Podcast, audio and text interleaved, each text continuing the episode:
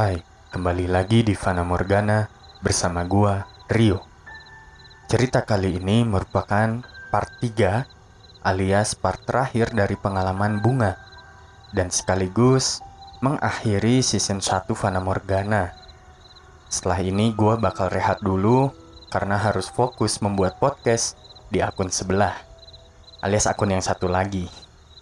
Tapi jangan khawatir, akan ada Fana Morgana season 2 yang insya Allah akan dimulai di akhir tahun 2020 atau di awal tahun 2021 ya. Dengan cerita dan konsep yang lebih baik lagi tentunya. Kalau kangen, sementara kalian bisa putar ulang dari episode 1 Fana Morgana ya. Pokoknya yang sabar dan nantikan. Cukup sekian pengumumannya ya guys. Uh, sekarang langsung aja kita simak cerita part terakhir dari Bunga.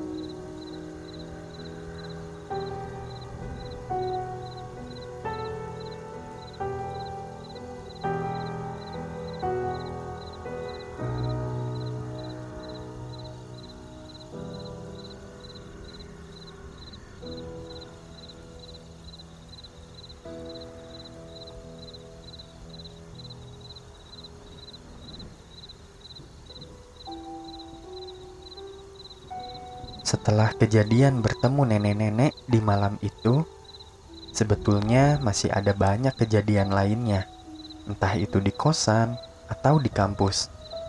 Tetapi untuk saat ini, aku belum bisa menceritakannya. Terlalu rumit, karena hal seperti ini agak sulit dijelaskan juga ya. Intinya memang belum bisa, karena butuh banyak pertimbangan. Mungkin suatu saat bisa aku ceritakan jika benar-benar bisa. Dan kali ini aku akan menceritakan pengalamanku yang aku rasa bisa diceritakan dan tidak akan menimbulkan sesuatu yang tidak diinginkan.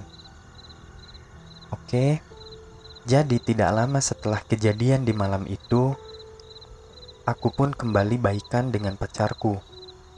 Nah, pacarku ini sering mengajakku pergi dan bermain keluar. Dan setelah beberapa kali jalan bersamanya, dia ini merasa ada yang aneh dengan diriku. Karena sering kali ketika aku berjalan, aku seperti menghindari sesuatu katanya. Bunga, kamu kenapa kalau jalan aneh deh? Kayak suka menghindari sesuatu? Tanya dia. Pada awalnya, aku belum menjawab jujur karena takut dia kaget dan merasa aneh padaku. Jadi aku jawab, "Ah, enggak, itu perasaan kamu aja kali." Mungkin karena dia tidak ingin berdebat, dia pun percaya dengan ucapanku.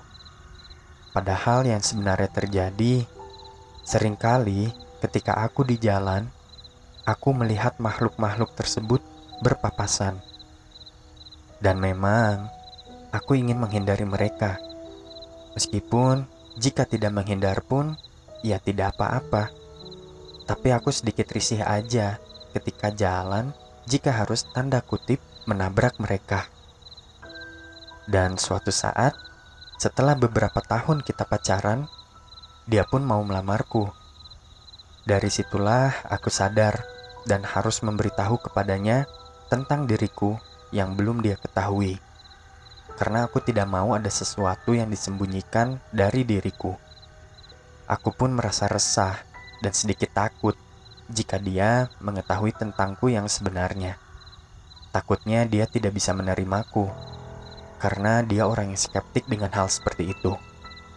Tapi sebelum semakin jauh, akhirnya aku memberanikan diri bilang kepadanya bahwa aku bisa merasakan dan melihat makhluk-makhluk tak kasat mata dan setelah ku beritahu, dia cukup terkejut karena dia pun merasa tidak percaya.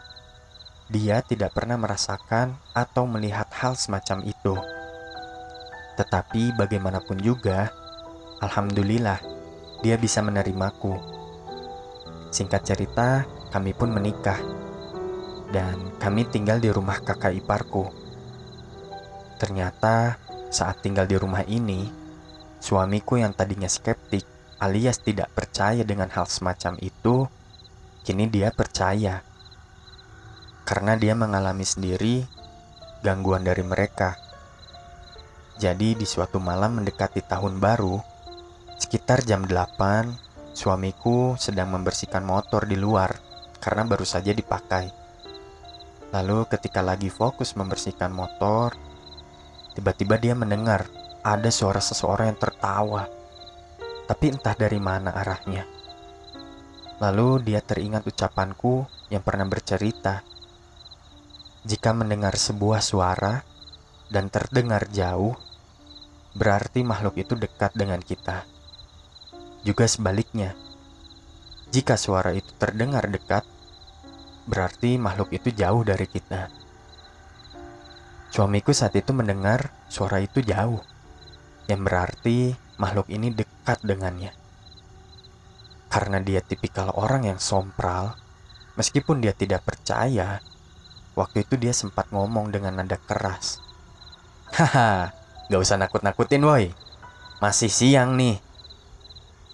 Dan entah bagaimana, tidak lama setelah dia bicara seperti itu, tiba-tiba ada sosok pocong yang muncul di belakangnya dengan wajah yang hancur dan berdarah. Suamiku saat itu sangat kaget dan langsung masuk ke kamar. Ia bercerita padaku tentang kejadian itu. Sejak saat itulah, suamiku percaya dengan adanya makhluk tak kasat mata ini. Dan memang, di rumah kakak iparku ini, sering kali makhluk-makhluk itu menampakkan dirinya di depan kami berdua. Walaupun tidak dalam bentuk yang sempurna, tetapi tetap saja mereka ini mengganggu. Aku pun berusaha berkomunikasi dengan makhluk itu. Tetap saja sulit karena balik lagi, kodratnya makhluk ini memang ditakdirkan untuk iseng dan mengganggu kita, manusia. Lalu kejadian selanjutnya masih terjadi di rumah kakak iparku ini. Saat itu aku sedang hamil dan usia kandunganku dua bulan. Aku sering kali ditinggal oleh suamiku bekerja. Jadi saat itu di sore hari aku sedang tiduran di kamar dan keadaannya gelap karena di luar sedang hujan. Pokoknya lumayan serem keadaannya. Tiba-tiba lampu di kamar itu ada yang mainin. Jadi saklarnya beberapa kali dimatiin, terus dinyalain lagi. Itu sering banget kayak gitu. Dan yang paling menyebalkan, aku diliatin sesosok siluman. Bentuknya seperti ular, tapi dia lebih pendek. Kayak lintah tapi sepintas kayak ular. Ya pokoknya bentuknya kayak gitu. Menyeramkan. Itu sih benar-benar bikin gak nyaman ya. Meskipun mereka tidak menyerang fisik secara langsung tetapi aku yang sedang hamil cukup terkuras energinya karena melihat sosok mereka dan masih ada banyak kejadian lagi di rumah kakak iparku tapi balik lagi di awal, aku tidak bisa menceritakan semua pengalamanku. Hanya beberapa saja agar tidak menimbulkan sesuatu yang tidak diinginkan. Semoga teman-teman paham ya. Dan pengalaman terakhir yang akan aku bagikan ini uh, di sebuah tempat gym yang ada di Garut.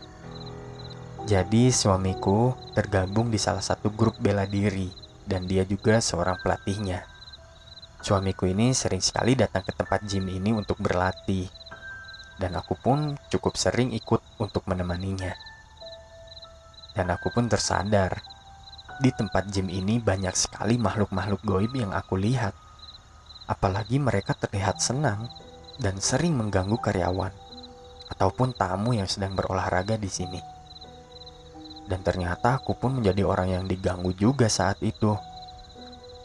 Suatu ketika, saat maghrib tiba, aku pergi sholat di musola tempat gym ini. Ketika sedang khusyuk melaksanakan sholat, tiba-tiba aku dicolek dari belakang oleh sesosok makhluk yang membuatku jadi tidak fokus lagi sholat. Tapi aku terus berusaha fokus sholat, meskipun terlintas di pikiranku. Logikaku berkata, gak mungkin orang sholat diganggu oleh manusia. pasti ini makhluk goib. Dan setelah aku selesai sholat, benar saja, aku melihat sosok itu sedang mengintip dari jendela arah luar. Dia memperhatikanku seolah-olah penasaran terhadap diriku. Aku hanya bisa beristighfar dan berdoa saat itu. Lalu aku mencoba berkomunikasi dengan makhluk ini, karena dialah yang paling sering jahil. Aku pernah melihat dia sering mengikuti gerakan orang yang sedang ngejim. Lalu aku bertanya pada sosok ini, "Kamu kenapa suka mengganggu orang-orang di sini? Apalagi karyawan di sini? Kan kasihan, mereka nggak ganggu kamu kok." Dan sosok ini pun menjawab, yang intinya dia marah karena di tempat ini sekarang menjadi ramai, banyak orang, dan suara yang berisik. Maksudnya adalah suara musik. Padahal ini tempat dia, jadi dia tidak suka. Dia merasa terganggu. Setelah aku mengetahui alasannya seperti itu, aku hanya meminta padanya untuk tidak mengganggu lagi di sini. Toh tempat ini juga tidak buka 24 jam. Dan aku pun mencoba sedikit flashback dengan tempat ini. Ketika aku melihat keluar jendela, menghadap ke sawah di belakang tempat gym ini, ternyata di masa lalu banyak sekali sosok yang meninggal dan dikubur atau dibuang di tempat ini. Sungguh mengerikan. Aku pun buru-buru kembali ke tempat gym. Karena jujur, aku takut. Dan itu manusiawi. Lalu aku berbicara dengan salah satu karyawan yang memang tinggal di dekat tempat gym. Dan sudah cukup lama tinggal di sini dan kita juga sudah cukup akrab. Jadi, aku pun memberanikan untuk bertanya kepadanya.